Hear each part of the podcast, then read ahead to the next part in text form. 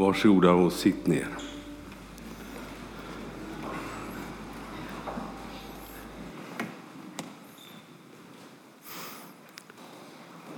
Det finns två korta böcker. Ja, korta, då menar jag att det är få kapitel och, två, och få versar i dem.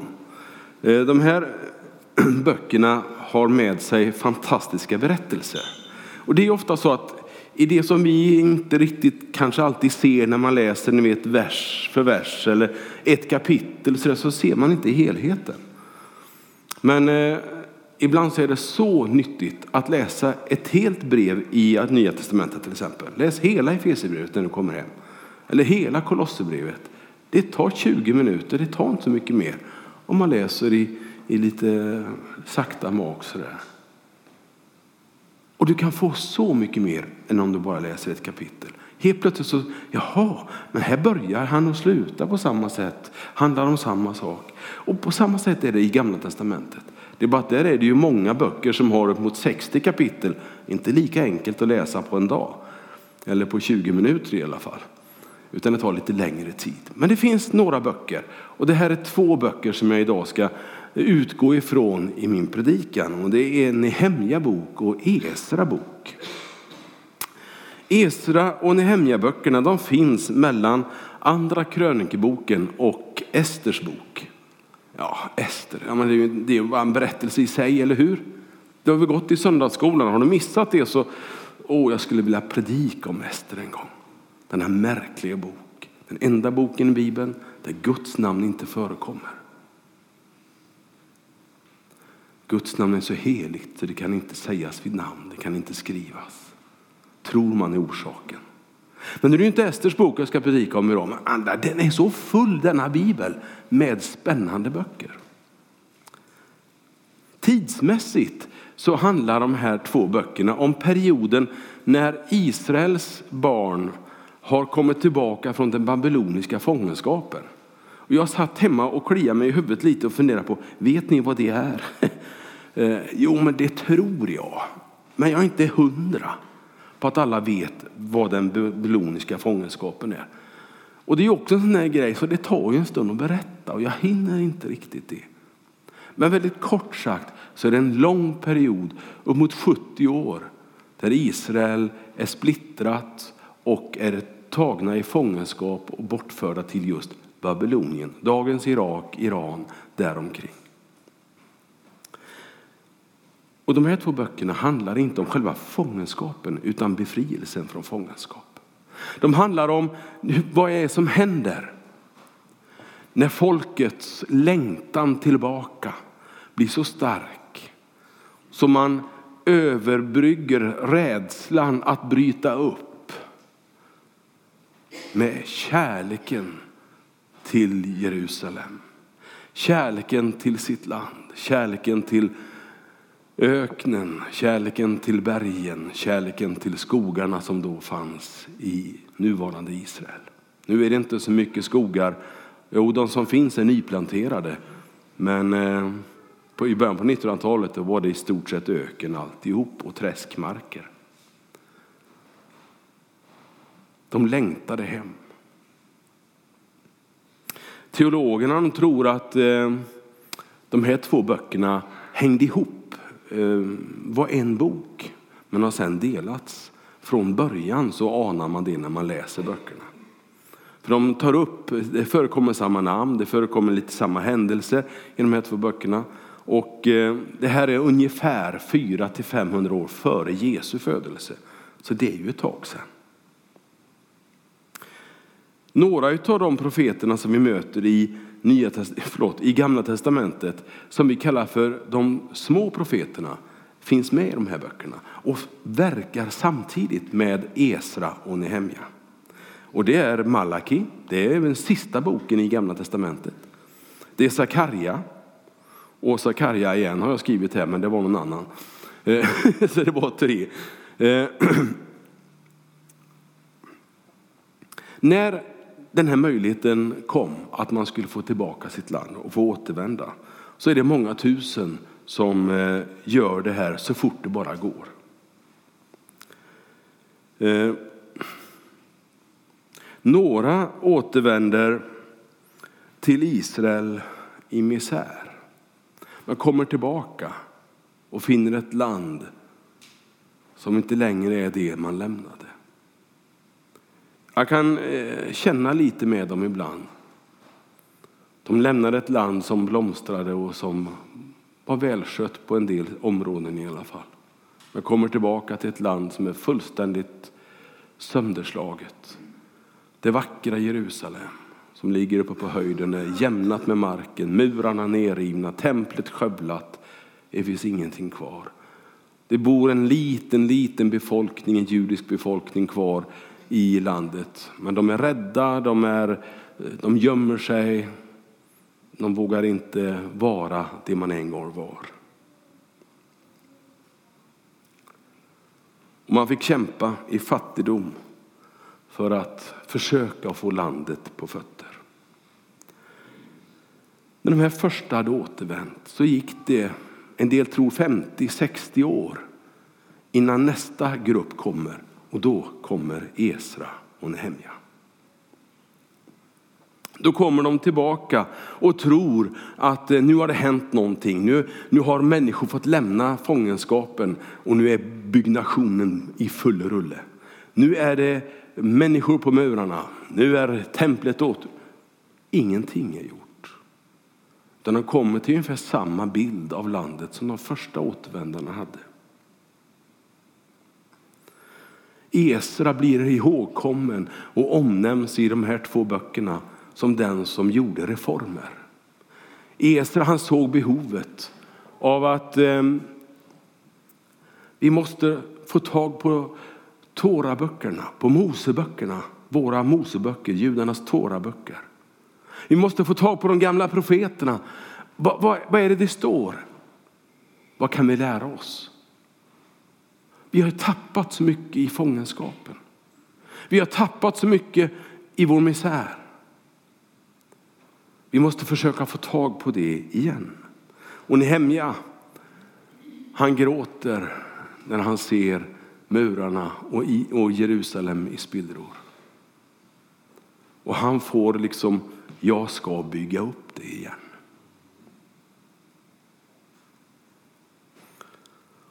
Och dagens predikan har jag som mål och syfte att försöka se, finns det kopplingar från den här upplevelsen till dagens upplevelse? Och de finns. Men jag vill säga med en gång, ta nu inte och försök översätta allting som finns i de här böckerna till dagens värld.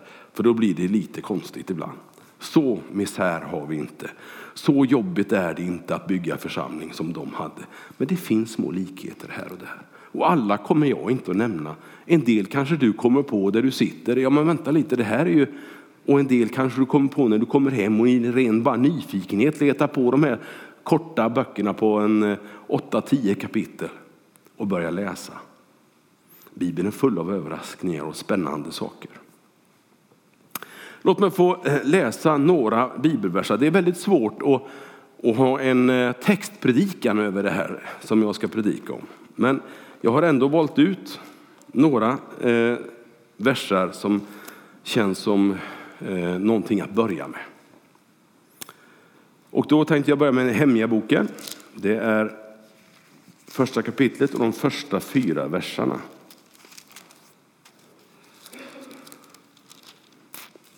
Ska vi se, ni ska väl få upp det på väggen här om ni inte redan har fått det. Ja, jajamensan. Så här står det. I månaden Kislev under det tjugonde året befann jag mig på borgen i Susa. Dit kom då Hanani, en av mina bröder, tillsammans med några män från Juda. Jag frågade dem hur det hade gått för den skara judar som var kvar där och som undsluppit fångenskapen och hur det var med Jerusalem. Då svarade de, det som är kvar i landet och sluppit undan fångenskapen lever i nöd och förnedring. Jerusalems mur är raserad, portarna nerbrända. När jag hörde detta satte jag mig ner och grät. Jag sörjde i flera dagar, fastade och bad till himmelens Gud. Så bläddrar jag till, till Esra-bokens första kapitel och läser vers 5. Överhuvudena för Judas och Benjamins familjer, liksom prästerna och leviterna, alla som fått Guds ingivelse, gjorde sig nu redo att ge sig iväg för att bygga Herrens hus i Jerusalem.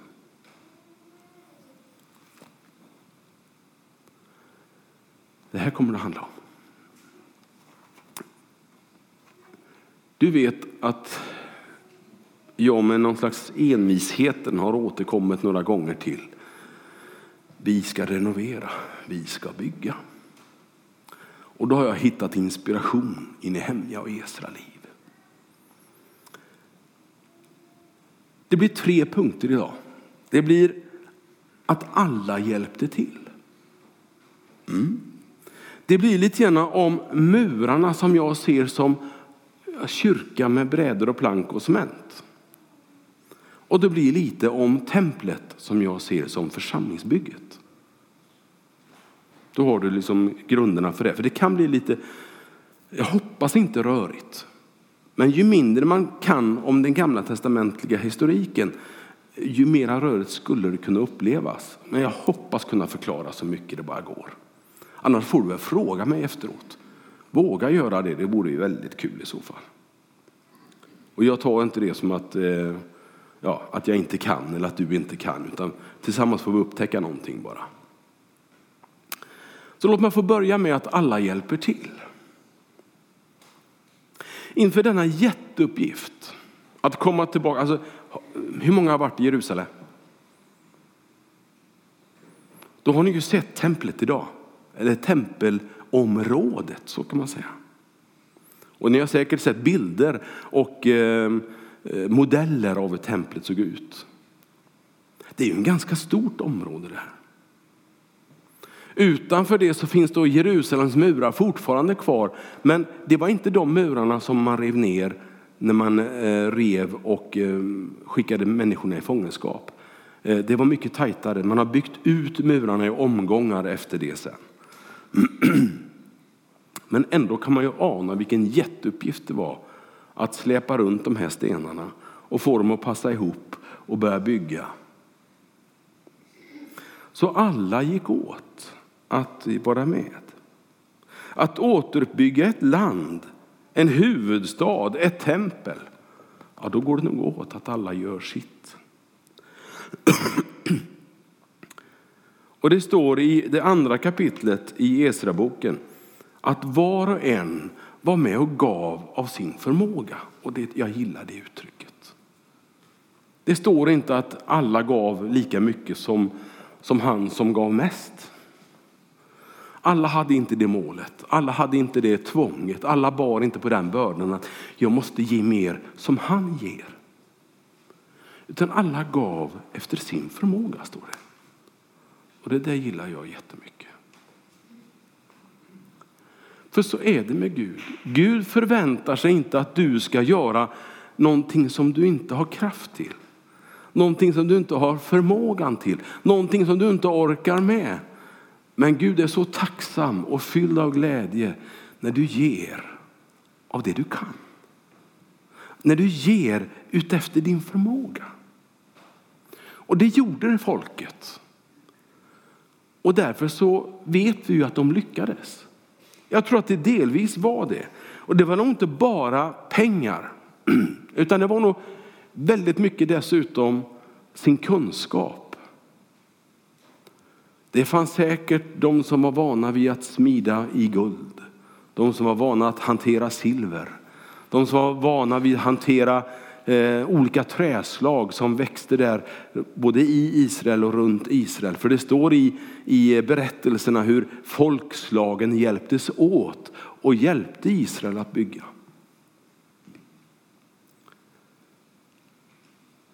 Så alla fick vara med, med vad de än kunde. Och jag gillar den där tanken. Tänk om alla är med. Vi är 280 eller 281, jag kommer inte ihåg exakt nu. I vår församling. Tänk om alla Var med. Levi Petrus, han sa, vet han den stora pastorn i Filadelfiakyrkan i Stockholm. Han sa så här att jag tror på att hälften är med, sa han. Om jag får hälften med, då, då går det, sa han, när de byggde sin kyrka. Och när de hade olika verksamhetsidéer. Och man kanske inte kan förvänta sig att alla ska vara med, för några pluggar ju kanske i USA, några kanske är på resa i Australien eller på Hawaii eller var det nu kan vara någonstans. Det är inte alla som är hemma jämt. Ja, det finns de som pluggar i, i Sverige också förresten. Eller hur? Och några är på semester. Några är, har lite ont i ryggen och kan inte riktigt eh, göra det man skulle vilja göra. Några har andra krämpor. Men Gud förväntar sig inte att du ska slita livet ur dig för hans sak. Men han önskar att du ska göra det du förmår, det du kan. För om vi gör det, då blir eh, Patriks arbete som ordförande lätt som en plätt. Om alla ställer upp och gör det man kan. Det är så häftigt att se när man kommer här på söndag morgon och det är full rörelse i eh, den här städgruppen eller ansvarsgrupp heter det va? Ja. Servicegrupp, det är så många namn i våra olika kyrkor. Så, så småningom lär jag mig också. Våra servicegrupper, när de jobbar och sliter för att vi ska få fika och för att det ska vara ordning och reda här i kyrksalen och alltihopa det här. Det är häftigt att se när man kommer på morgonen. Då har de varit här en stund när jag kommer. Så att vi alla hjälps åt är nog viktigt alltid. Men om vi nu funderar på att börja bygga, ja det vet ni ju, det stod i tidningen här om veckan, det stod att vi skulle bygga 200 kvadrat eller vad det Så det är ju klappat och klart redan. Det är ganska kul faktiskt. Det var någon som kom och, och sa till mig när jag var och lunchade en dag, ja vad roligt, nu ska ni börja bygga kyrkan. Va, sa jag. Hur vet du det? Ja, det stod i tidningen i morse, sa Och jag fattade ingenting. Men nu förstår jag ju varför. Men det står också i de här två böckerna på några ställen att de gav av sitt tionde.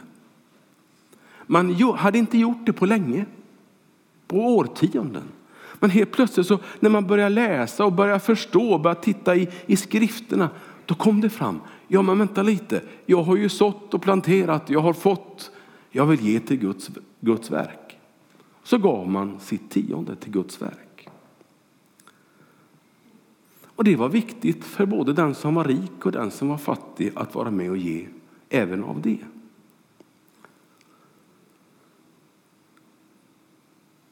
Ja, jag hinner nog inte eh, mer om att alla hjälper till. Jag tror, jag, har, jag tror ni fattar, eller talat, att det är viktigt och att du är viktig. Och att jag inte lägger någon vikt vid om vad du kan och gör, utan att jag hoppas vi är överens där. Att ingen ser ner på någon. Ingen behöver se upp till någon och drömma om att göra som han eller hon eller den. Utan du får vara den du är och bidra med det du kan. Nåväl, vi måste gå vidare till nästa punkt som handlar om, om murarna eller kyrkbygget. Du vet, en huvudstad på den tiden utan ett rejält försvarsverk. Ja, det var ju, det var ju en öppen öppen port att bara inta och, och slå sönder igen. Så det visste man ju när, man, när Nehemja kom tillbaka till Jerusalem och fick se hur eländigt det var. Så började han med en gång. Han började med en gång att försöka och, och tänka igenom. Det står faktiskt att han på natten smög runt och kollade hur det var ställt. Han skapade sig en rejäl uppfattning om vad det var som låg framför honom. Och så står det, låt oss nu bygga. Oh, jag längtar att få säga det. Jag längtar att få komma igång i vår kyrka också. Låt oss nu få bygga. Du får ta det precis som du vill. Men jag känner nästan en inre kallelse att prata om det. Och försöka prata gott om det. Och försöka prata väl om det. Och inte för att försöka liksom bygga någonting själv. Utan att vi tillsammans får göra någonting med våran kyrka. Precis som Nehemja gjorde med murarna. Han återställde dem och gjorde någonting vackert utav det. Och det var viktigt att det skulle bli rätt. Han planerade, han, han gjorde allt möjligt för att möjliggöra detta. Och där är vi ju nu i planeringsstadiet och jobbar och sliter. Vi har inte fattat några beslut än, så det är inte det jag säger att, att nu måste vi fatta beslut. Men jag, jag måste ju få bekänna vad jag har för dröm, eller hur? De var på sin vakt. De var på sin vakt för det fanns folk runt omkring som inte ville att murarna skulle återställas utan man bara väntade på att välståndet skulle komma så man fick inta dem igen. Och då ville man inte att murarna skulle finnas där för det var mycket enklare att inta Jerusalem om inte murarna var där. Man ville se ett misslyckande. Det finns flera berättelser om det i de här böckerna. Så Nehemja han sa att Nej, men, här går inte. Nu sätter vi ut vakter på murarna. De ska se till att vi kan bygga. Det kommer gå lite långsammare, men vi ska bygga. Och att få vara en väktare på muren var det många som fick uppleva. Ena dagen väktare, nästa dag så jobbar man med att lyfta sten. Ja, ja, du vet, min kunskap är ju noll om det här, så det blir enkelt.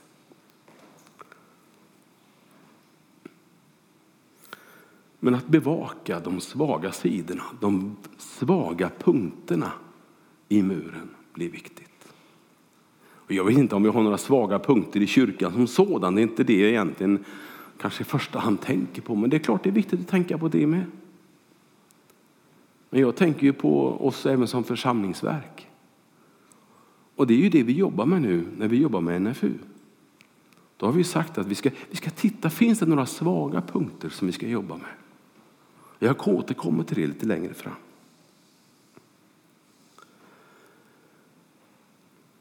Den här muren, det står om den att muren blev färdig ändå.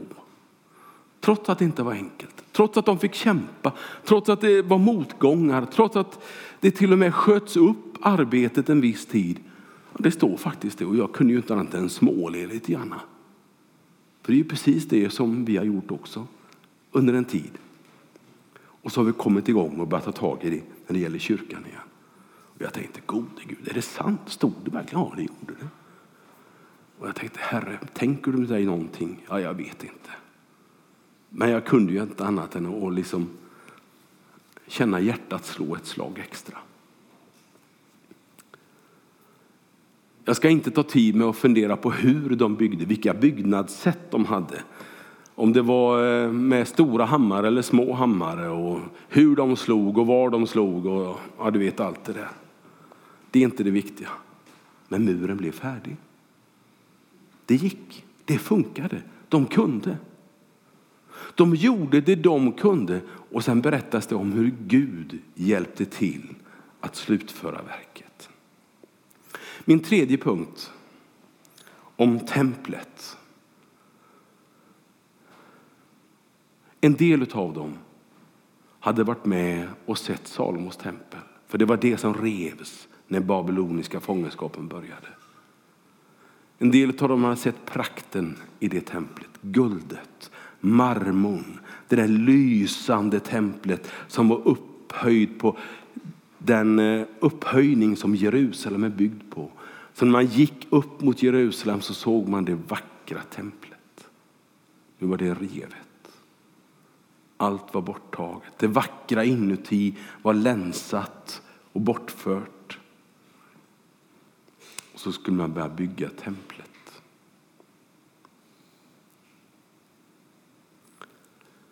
Och jag kan se hur, hur jag tänker mig att bygga en församling. Det är inte enkelt att bygga en församling. Att bygga ett hus, ja men det går ju att rita, det, går ju att, ja, det, det finns den typen av hjälpmedel. Det finns många som eh, kan mycket mer än jag. Men när det gäller att bygga församlingen så har vi ju en slags ritning, en slags förordning som finns i vår, i vår bibel. Och det här nya testamentet som berättar om hur Jesus gjorde och sa och hur de första kristna började bygga. Det är ju det vi försöker efterlikna efter bästa förmåga. Ibland går det bra och ibland kan man väl säga att vi kanske inte lyckas hundra procent.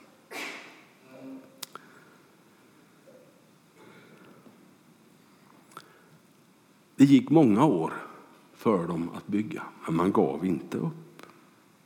Man byggde ett nytt tempel som blev oerhört vackert, men inte riktigt lika fint som Salomos tempel.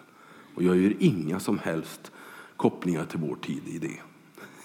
eller hur? Vi hoppas ju på ett bättre kyrka än det vi har haft, eller hur? Ja. Men de kunde inte hoppas på att få ett bättre tempel än det Salomo hade byggt. Esras uppgift under tiden, det var inte att bygga i första hand, utan det var att reformera. Och jag gillar den där tanken att Nehemja satsade på byggnationen och Esra satsade på reformationen. Han var ingen Luther, men han var den nye Moses, är det flera som har skrivit. För Mose var ju den som, som införde livet med Gud, hur det skulle gå till med offrandet och alltihopa det här med Israels folk. När man väl lämnade Egypten och kom till sitt förlovade land. Och Esra han gick tillbaka till den där tiden och plockade upp tårarullarna, plockade upp Moseböckerna och började läsa högt för folket. Det står att han fick en trästol att sitta på. Han fick en tribun att tala ifrån. Och så började han föreläsa om, så här står det i lagen, så här står det i boken, så här står det i böckerna. Vi måste tillbaka dit.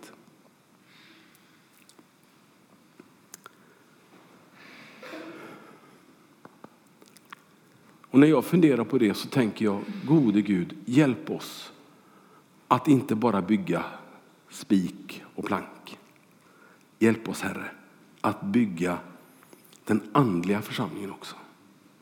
Herre, jag vill se människor växa. Herre, jag vill se människor komma förnyade i tro. Förnyade och nya människor som kommer och blir förnyade. För utan det så är själva kyrkbygget bara som vilken byggnad som helst. Det är innehållet egentligen som är mycket viktigare än färgen och mattorna och, och eh, lösningarna som finns på hur det ska se ut i en kyrka.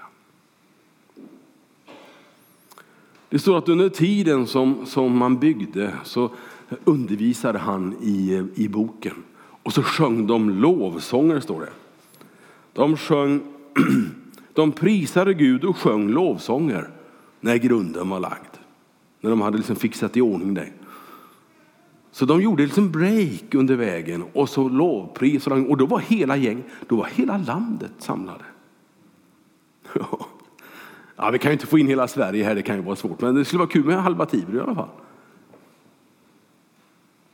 Eller hela församlingen. Eller hur?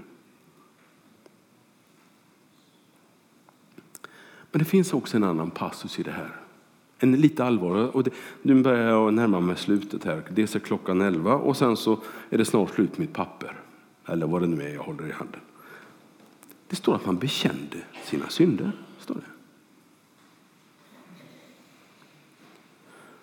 det stod att man, när man hade läst boken så upptäckte man men, men det står inte rätt till i mitt liv. Jag har inte gjort det som står i boken om. Det man, hade, man hade gjort helt emot Guds vilja på några områden.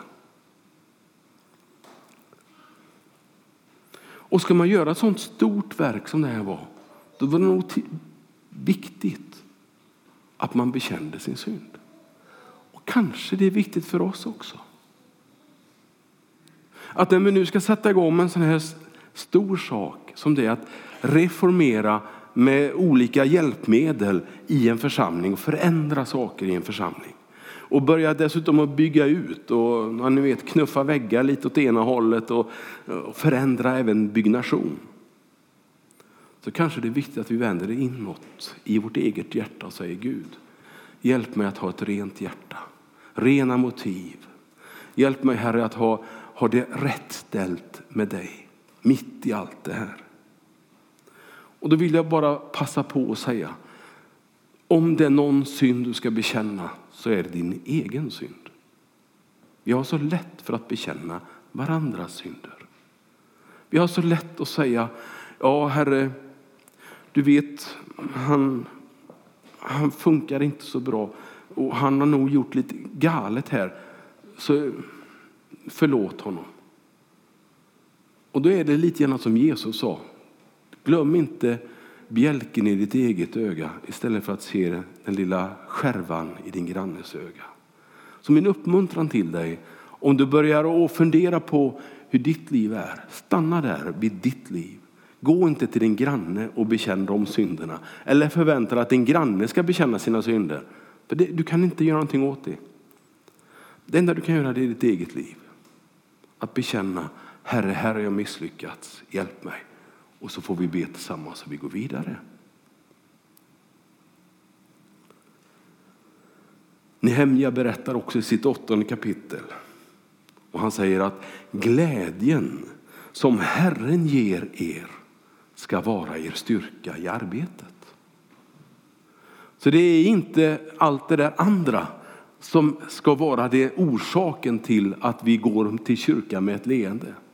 Det är inte att vi har fått rätt färg på det ena eller andra. Det är inte att vi har fått ordning på det ena eller andra eller att pastorn har gjort si eller så. Utan Herrens glädje som finns hos er, det är er styrka. Det är din styrka. När du kan känna Herrens glädje så är det din styrka. Man jobbar alltså både med det praktiska och det andliga på samma gång. Och det kan vi också göra. Vi har börjat med renoveringsarbetet av kyrkan, åtminstone enligt tidningarna. Eh, och det, eh, vi har börjat med att jobba med naturlig församlingsutveckling. Vi har börjat i det arbetet med att jobba med en vision. Man fattar det beslutet, nu ska vi jobba med visionsarbetet. Och det är några som fått uppdrag att börja med det. Vi har börjat att jobba lite med hemgrupperna och vi ska fortsätta att jobba med det också. Vi har börjat jobba med frågan kring eh, LP-verksamheten. Det brinner en eld i mångas hjärtan. Vi måste komma igång. Det här är några av de frågorna som jag börjat, som jag upplevt vara lite av, av eh, problemområden. Där vi har satt upp väktare på murarna. Där vi har liksom sagt att det här måste vi jobba med. Och Det här känns så viktigt att få tala om, att få predika om och visa att det här är inte bara någonting som, som förekommer Eh, därför att eh, vi behöver det, utan det här, det här är bibliskt material. Det här gjorde man på Bibelns tid också.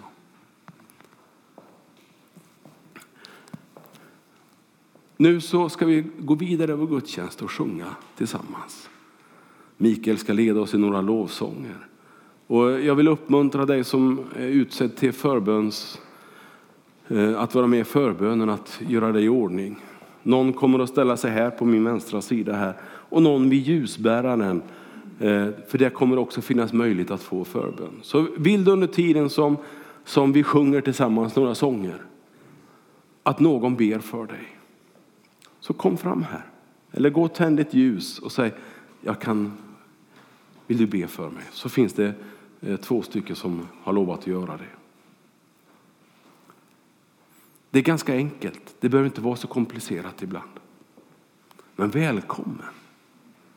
Nu har ni suttit en stund. Ska vi resa på oss och sjunga några lovsånger tillsammans innan Ingrid så småningom avslutar gudstjänsten? Välkomna nu.